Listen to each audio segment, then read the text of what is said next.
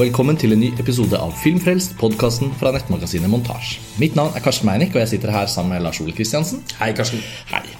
I dag skal vi snakke om en virkelig herlig filmklassiker. Erik Romers Le Rayon Vert. Kanskje hans beste film. Kanskje hans beste film. Uh, heter Den grønne solstrålen på norsk, fra 1986. Erik Romer var jo en av de store nybølgefilmskaperne, men han ble også veldig gammel, så han laget jo også film langt inn på 90- og 2000-tallet. Ja, og i motsetning til f.eks. Truffaut Godard, så hadde han jo ja, Man kan jo si Truffaut hadde sin store stil på 60- og 70-tallet, Godard definitivt på 60-tallet, uh, mens uh, Romer på sett og vis hmm, Altså, Han laget jo mange av sine beste filmer så sent som på 80-tallet. Mm. Og um, Den grønne solstrålen er eh, på en måte Jeg syns i hvert fall den er høydepunktet da eh, fra den fasen i karrieren hans. Og det er en film som ikke bare er virkelig, ikke bare er hans. Eh, den er Marie Rivière sin også, i vel så stor grad. Hun skuespillerinnen som eh, da eh, tolker Altså som er hovedkarakteren. ja, og det er en veldig sånn sterk og påfallende hovedfigur her i filmen. Vi får si litt hva den handler om, og for de som ikke har sett den eller kjennskap til den, så er jo dette en klassisk sånn sommerfilm. Og jeg husker jo bare for noen måneder siden da vi var i Venezia og snakket om Abdelatif Keshishs nye film, eh, 'Mektub My Love'. Da trakk vi jo inn Erik Romer og disse sånn sommerfilmene hvor du på en måte følger noen gjennom en sommerferie, som også Kishish gjør i den filmen. Og Den grønne solstrålen eh, utspiller seg da i løpet av en sommer, og hovedpersonens problem, eh, egentlig på en måte i utgangspunktet eneste plottproblem, eh, er at hun eh, blir på en måte dumpa fra en ferie hun skulle dra på sammen med eh, kjæresten sin. Og hun, eller de blir vel i hvert fall eh, Hun får bare en telefon på en måte om det, og så innser hun at hun ikke har noen å dra på ferie sammen med. Og det er egentlig hele utgangspunktet. Og så blir det jo en veldig rik karakterskildring fordi det sier så mye om henne som menneske. Eh, og, ja. og, og, situasjonen i filmen er basert på um, en tilstand som Marie Rivière var i på det tidspunktet. Hun eh, hadde sett eh, Chloé in the Afternoon, eller Love in the Afternoon, den går under mm. begge titler, eh, til Romer. Den er fra 72 eller noe. Eh, mm. Og um, og beundret den filmen veldig og sendte et brev til Romer og bare sa at uh, ta kontakt med meg, uh, så ønsker jeg å spille en av filmene dine hvis det er mulig. Og han kastet henne til en fin uh, birolle i The Aviator's Wife, også en veldig god Romer-film fra 80-tallet. og så ble de bedre kjent, og, og Altså Den grønne solstrålen. Litt sånn vanskelig å si den norske tittelen. Ja. Den, den, er helt ny for meg. Ja, altså Engelsktittelen er jo da Green Ray. Vi, ja. kan, jo, vi kan, jo, alternere litt. Ja. Nei, men øh, Og det ble på en måte et veldig sånn dynamisk samarbeidsprosjekt eh, mellom Romer og henne, denne filmen. Den er basert på Hun er jo da i midten av 30-årene. Eh, er, i, er, på et sted i livet hvor hun, altså, hvor hun er litt retningsløs. Mm. Uh, og de bygger da sammen en karakter som er basert på henne, og hvor uh, Romer har en idé om hvor hun skal hen. Mm. Uh, egentlig mest av alt hvilke steder hun skal til rent geografisk. Eh, det, en, det, stedet hvor de er på slutten av uh, filmen. Nå husker jeg ikke helt hva det heter. Uh, Biarritz. Biarritz, ja. Det er, faktisk, De tar jo også toget fem minutter unna Biarritz til et annet sted igjen. Men det er jo der. Nettopp. Uh, ja. Strandbyen. Yes, mm. Og det er visst der hvor Romer selv foretrekker å dra på ferie. ja. eh, og den familien som vi møter i eh, Cheboul, mm. eh, er, hennes, er Marie Riviers egen familie. Mm, mm. Så altså det, Og den har jo en veldig sånn feeling fra independent-film. Altså Hvis man på en måte er vokst opp litt mer med sånn amerikansk uavhengig film fra 90-tallet av Richard Linklater og sånn, mm. før man blir kjent med Romer, mm. så ser man jo når man ser en Romer-film, så ser man jo hvor alt mye av det kommer fra. Ja. Eh, F.eks. For, for Linklater og med Before Sunrise og Sunset og de filmene, så har jo Romer vært en av hans store helter. Og noe av det litt sånn um, Hva er det de sier i det engelske uttrykket? The pedestrian. Litt sånn litt sånn hverdagslig på en måte premiss for en film. og Det er ikke de store episke sekvensene, men gjennom de veldig sånn rå menneskeskildringene, særlig her i Den grønne solstrålen, så, så, stiger det jo ganske noe sånn veldig kraftfullt opp fra det som ser ganske sånn alminnelig ut. Denne, dette første stedet de drar til, Cherbourg, den familien, er vel sånn Det er jo vakkert og flott og sommerlig, men det er jo ikke sånn ekstremt vakkert og flott og sommerlig, og folk er ikke liksom ekstremt karismatisk. Eller det blir Nei, sånn, nei. Men ut av den hverdagsligheten så kommer det fantastiske scener. Sånn som vegetarianerdiskusjonen. Eh, for de som har sett filmen, så er det jo da noen sånne helt ubetalelige eh, poenger som kommer ut av menneskelig oppførsel her, som sikkert Romer også har fått tak i i mange andre filmer. Jeg har sett mye Romer, men ikke på langt nær alt han har laget. Um, og det samarbeidet mellom henne som skuespiller da, og Romer som en filmskaper, det det kommer liksom på rett tidspunkt i Romers karriere, tror jeg også. At det er noe med 80-tallet mange trekker fram som hans beste tiår. Hvor eh, han var på en måte rutinert og merittert nok kanskje til også å slappe av som filmskaper. Og han jobber med veldig lave budsjetter. Eh, og man kjenner at de stoler så veldig på at hovedpersonens eh, indre reise, eller det, det hun strever med, og det, det, hvordan det uttrykkes, det er mer enn nok for en film. Og det viser seg jo også lykkes eh, ikke bare utrolig bra sånn Vi setter pris på denne filmen siden den er Romers beste, men den vant jo også Gulløven i Venezia det året da den kom. Ja, altså Og ble en stor suksess på franske kino. Jeg tror den spilte inn liksom 15 ganger budsjettet sitt. Ja, Det er ganske morsomt å tenke på. Og den eh, har nok vært til stor inspirasjon for ganske mange filmskapere. Fordi den er jo også da Som sagt, eh, Romer visste hvor de skulle hen, og hadde planlagt eh, på en måte hva hver eneste scene skulle handle om. Men eh, alt vi ser, er improvisasjon. Og det er jo da hun, Marie Rivière som leder an den improvisasjonen. Og de fleste av scenene òg ble utrolig nok bare skutt én gang. Mm. og de eh, hadde ikke tid til å dra tilbake til Paris for å eh, gå, i, liksom gå på laboratoriet og sjekke Altså fremkalle filmen, da, rett og slett.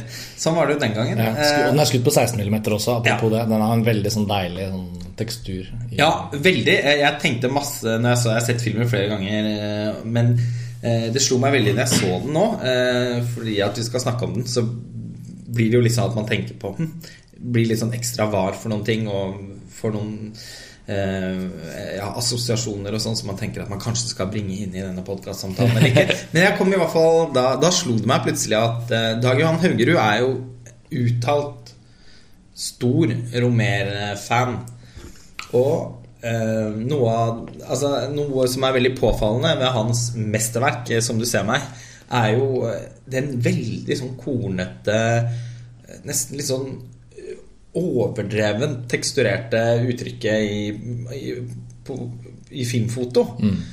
Så plutselig så slo det meg at kanskje det rett og slett er så enkelt som at det er, altså at det er spesifikt det er denne filmen eh, han og Kim Hjortøy, som er fotograf, har forsøkt å gjenskape på en måte. Fordi altså andre, Romere-filmene ligner jo stort sett hverandre. Han jobbet jo veldig mye med Nestor Almendros. Han har ikke fotografert denne filmen. Det er en kvinnelig fotograf eh, som het uh, Sophie Han har glemt etternavnet hennes. Ja. Men um, ja, det plutselig så slo det meg at det kanskje rett og slett er det. For den har uh, egentlig et veldig sånn egenartet uh, altså uttrykk. Fordi det virvler liksom korn i, i bildene hele tiden. Og den kombinasjonen av den hverdagsligheten i, i, i situasjonene og, og hovedpersonen er jo også Nok en gang, Jeg må bare trekke fram at jeg synes det alminnelige ved hennes situasjon er det som gjør den så gripende. Og den er, hele fortellingen så den blir veldig allmenngyldig. Eh, Men, men, men de beste independent-filmene de klarer jo å, å male frem en veldig overbevisende visualitet, selv på lavt budsjett eller på, på en måte hverdagslige premisser. Da. Og Det syns jeg den filmen er et glimrende eksempel på, og bør være til inspirasjon for ikke bare Richard Linklater, men også andre filmskapere. Som eksempelvis hvis man har lyst til å lage en film om en sommerferie. Så er eh, Erik Romer eh, pensum, og da har man mange å ta av. Um, men jeg har også lyst til å snakke litt om tematikken, da, bare fordi jeg syns det er en veldig interessant film rent tematisk. Altså, jeg personlig eh, hadde aldri hatt noe problem med å dra på ferie alene. Eh, men, eh, men det skjer jo veldig sjelden hvis man har en stor familie. Eller hvis man har så, så, så liksom bare Life happens to you, på en måte. Og eh, likevel så er det ikke noe vanskelig å forstå hennes eh, situasjon, fordi premisset hennes har Hun har også en sånn veldig sånn hudløs hun har noe rastløs over seg som ikke er sånn rastløs med ideer og sitter med notatboken og er sånn kreativt menneske. Men hun er rastløs på en sånn Det er som om hun venter på at noe skal skje henne. Altså Hun er rastløs på en plaget måte. Ja, eh, jeg jo, men det, det, det uspesifiserte ved hennes rastløshet gjør det veldig forståelig. Mm.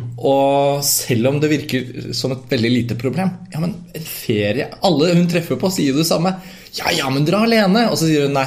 Ja, ja, men da kan du låne huset mitt borti Altså sånn, Alle har liksom en løsning til henne, men det er ikke det hun trenger. Samtidig så er det på en måte ingen som ser henne. Hun jobber som sekretær, og hun opplever at alle kollegene har veldig sånn avanserte planer for ferien. De skal hitte de Og det er noe med den alderen. Jeg er jo i den alderen eh, selv, og, jeg, og kan veldig lett kjenne meg igjen i hennes situasjon.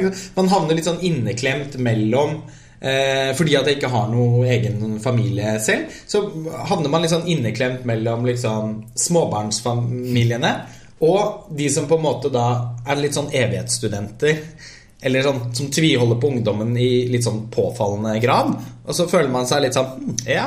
De som holder på partyferiekonseptet. Er Lenge liksom- forbi holdbarhetsdato. Ja, og eh, i motsetning til hovedkarakteren i filmen, da, så har jeg alltid elsket eh, mitt eget selskap. Så jeg ville ha det Når det er sagt, så tok det meg 31 år å dra på en tur alene.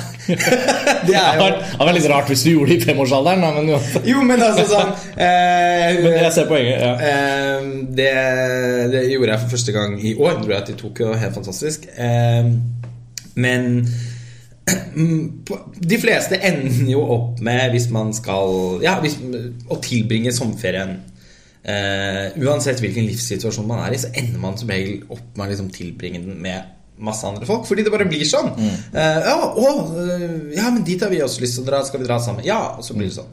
Eh, men eh, det som skjer i Den grønne solstrålen, er jo at hun er veldig tydelig på overfor alle som forsøker å veilede henne, alle venner, familie, at hun trives ikke så veldig godt i sitt eget selskap.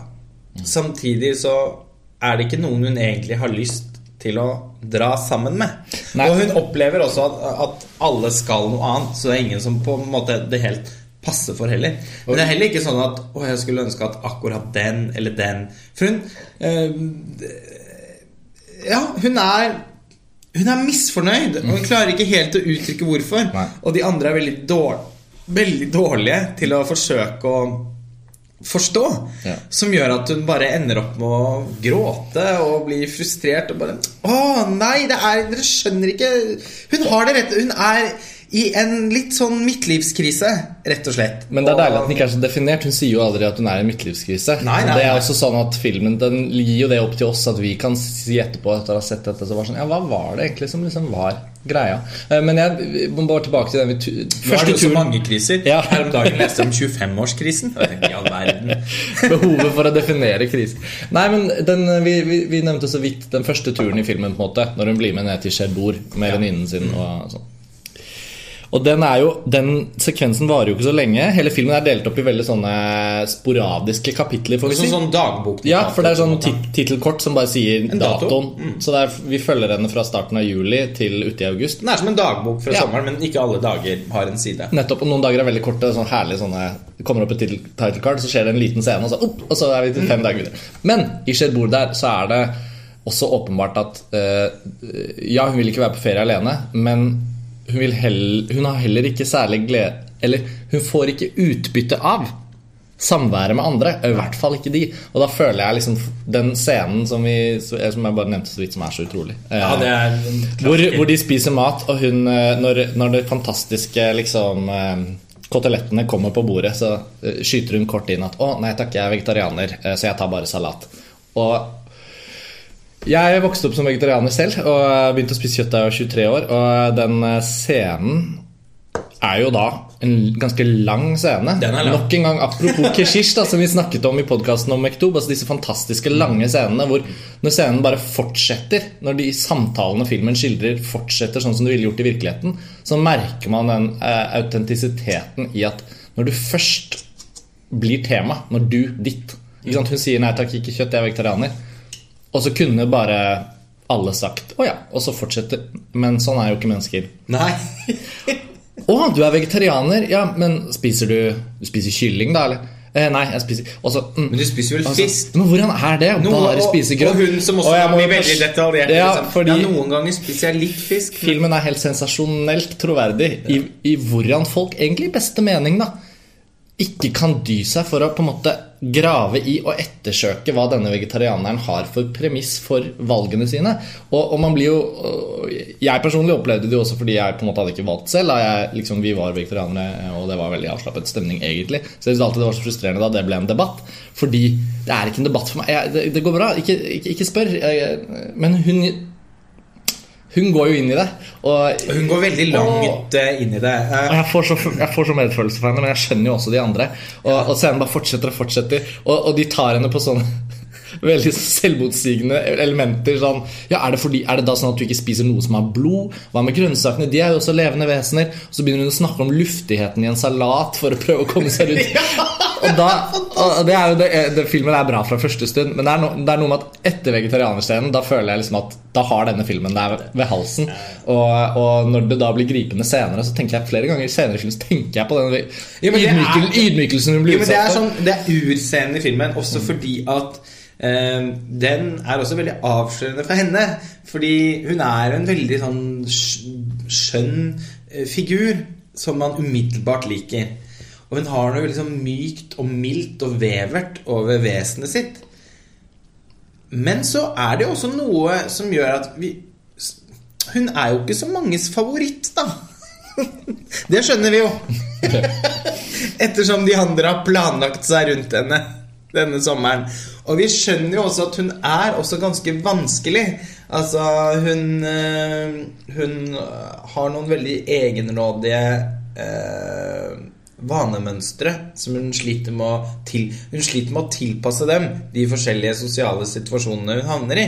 Og for eksempel som når hun da ledes inn i den blindveien med mm, vegetarianerdiskusjonen, så evner virkelig ikke å komme seg ut av det, men drar det så langt at alle rundt bordet bare Hun er ganske spesiell, hun. altså sånn Og, og man får det jo når, når fantastisk, bare å nevne det. Det er så bra reaksjonsbilde når hun går veldig inn i liksom Og alt blodet og alle dyrene som rives i filler. Så ser du sånn klippet i reaksjonsbildet med to barn som sitter og, og lytter og ser veldig betenkt ned på koteletten. altså, Altså, Erik Kornomer er jo ikke uten humor Nei. i, i observasjonene sine. absolutt ikke. eh, Men i avskjeden fra Cherbourg, når hun venninnen skal dra, og, venninnen sier sånn til Delfin, som hovedpersonen heter Du må bare bli eh, her med min familie i Cherbourg. Delfin. eh, nei, jeg blir gjerne med tilbake til Paris. Og da når hun skal hente kofferten sin, så har da liksom gruppen av da basically statister for oss som ser filmen, så er det jo helt sånn ubetydelige folk som hun bare har sittet og snakket med. De har bare en sånn kort sånn 17 sekunders sånn Å, skal hun dra? Så synd. En annen sier det var kanskje like greit. Barna kommer. Å, skal hun dra? Ja, men, Ja, de likte henne jo. ja, så det er sånn bland, litt sånn blandet Ja, konsentrasjon. sånn, Sånn, noen sånn- syns det var greit at hun var andre ja, ja, for, for noen får vel også si Ja, men hun passer jo ikke så godt inn her. Vi er veldig forskjellige. Ja. Det er bare og sånn alle- er mennesker. Ja, for det, det jeg skal frem til er så, Det er så mange troverdige observasjoner i denne filmen som jeg tror enhver person, eh, uavhengig av bakgrunn og hvor man hører til og hvor man drar på ferie, og sånn, man, man bare kjenner seg igjen. Og det, de beste filmene gjør jo det, uansett hva premisset er. altså, på et eller annet tidspunkt i en litt sånn ukomfortabel mellomsituasjon i livet sitt. Mm. Eh, og det er mange filmer som handler om det. Eh, hun her er jo da akkurat liksom litt eldre enn f.eks. Frances Ha. Mm, eh, men det er to filmer som har veldig mye til felles. Eh, man kan jo si at Romé på mange måter er en sånn eh, det er mange sånn Baumbach-situasjoner, Ja. men som er litt mer sånn å, naturell. Ja. eh, fordi det er Baumbach Eller Lena Dunham, ikke minst. ja. Eh, der hvor de skrur opp og karikerer og lager på en måte tydelig humor, og som ofte da er fantastisk morsomt, da. Men eh, så Ja. Når romershumor pipler fram, så er det i den rene liksom, observasjonsenden. Eh, men Mm. Det er også opp han til publikum å finne den humoren. Nettopp. Den blir ikke servert til deg. blir ikke servert som en klart på et fat. Men eh, han eh, Men eh, altså, han er jo veldig opptatt av at scenen skal være så Og rollefigurene skal opptre så autentisk som mulig. Mm. Og, og det, altså Lost in Translation eh, En eh, Absolutt. annen Jeg tenkte så det er sånn eh, Jeg tenkte på Det er jo en eh, scene i Girls hvor de spiller 'Dancing on My Own' til Robin. Den kommer jeg også til å tenke på. Mm. Ja, ja. Fordi dette er liksom litt den ultimate 'Dancing on My Own'-filmen. For, for, for det skal hun altså da eh, en, en, en, en hel sommer. Og hun lykkes jo heller ikke før, uten å spoile, da, Ja. men helt til slutt, så møter hun noen som vekker noe i henne. Som, som ikke bare er plikt. Så det er verdt å vente på. Ja, er veldig men, men veldig mange av de eh, ulike møtene gjennom filmen bærer også preg av at hun presser seg selv til å være sammen med noen.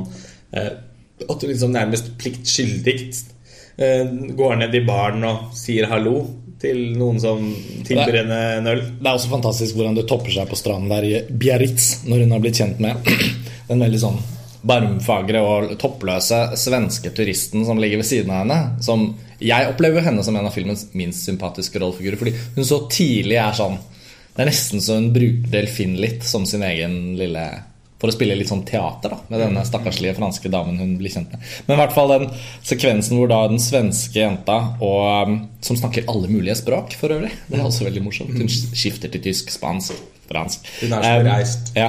Nei, men Når hun tar med seg Delfin opp på strandkafeen der, og de to eh, guttene ved det andre bordet kommer bort Da er det en lang sekvens, og der merker man også veldig at i improvisasjonen, da, når de skyter en improvisasjon, og Erik Romer og skuespillerne jobber frem noe, og at de ikke kan filme det en gang til, det slår veldig heldig ut, fordi jeg tror de også da valgte det beste av det. Altså sånn, der er det en scene som blir utrolig bra, fordi improvisasjonen byr på noe som ikke jeg tror Erik Romer kunne forvente. Hvor hun svenske og han franske liksom I det ene bildet da, av de to som sitter ved den ene siden av bordet, så får det bildet bare ligge der fordi de begynner å synge, og hele det bytter forskjellige språk, og det bare varer og varer og varer.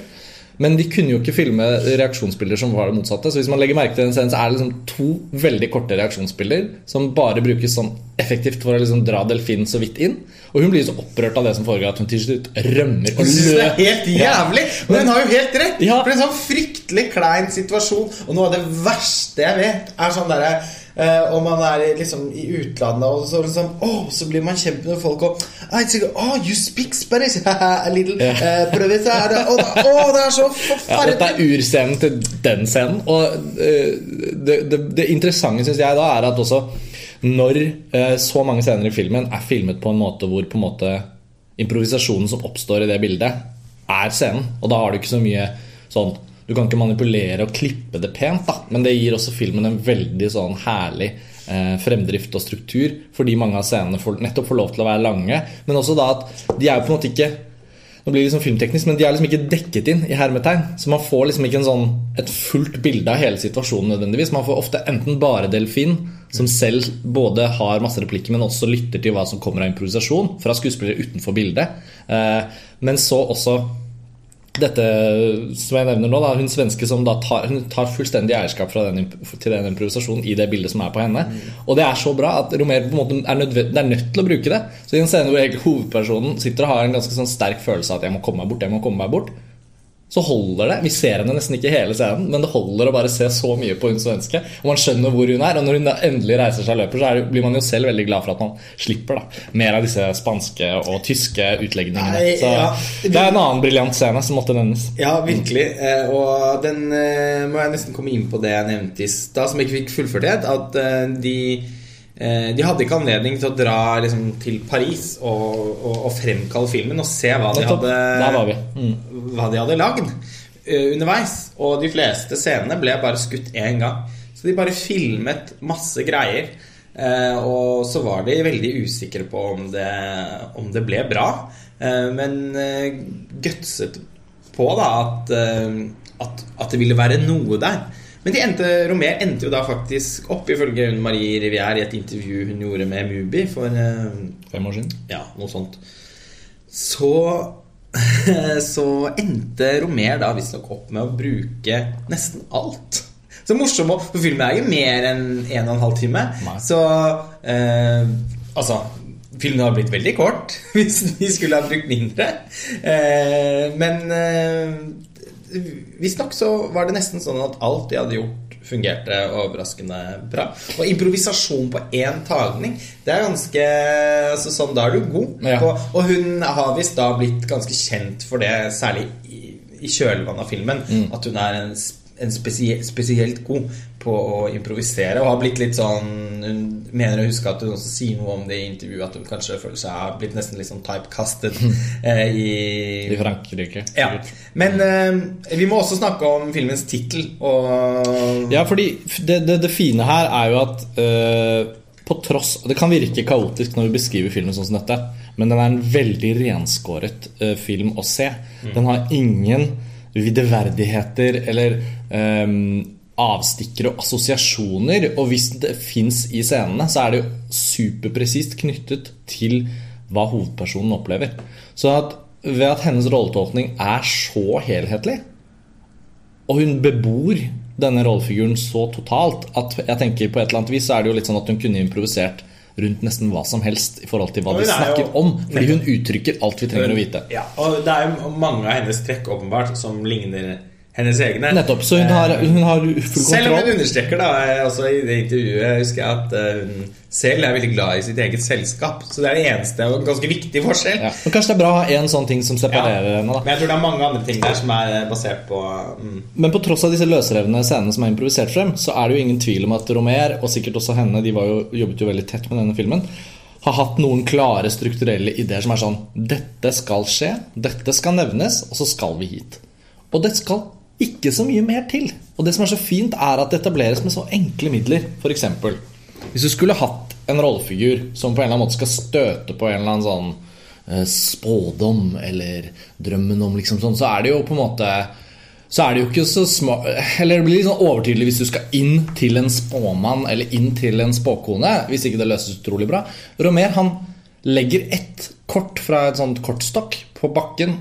Og i en scene til i filmen så går Delfin forbi, snur kortet, og der er det en spar dam. Og det er ikke noe Jeg vet ikke om det betyr noe engang. jeg. Og så nevner hun for noen venninner Jeg har funnet noen kort her og der. Ok, det holder. Og de er grønne. Og så, ja, jo jo Og så, ah, og så liksom og så, eh, Tidlig så reflekterer hun også over fargen grønn Hvorpå de andre liksom bare Ja, ok, dette høres veldig svevende og rart ut Det er liksom ingen som tar henne helt på alvor Dermed kan vi også slappe av litt i forhold til den bruken Og så plutselig overhører hun da En sånn bokklubbgruppe Fem-seks gamle damer Åh, og én en mann fantastisk eh, som sitter ved havet og, og, og diskuterer en bok.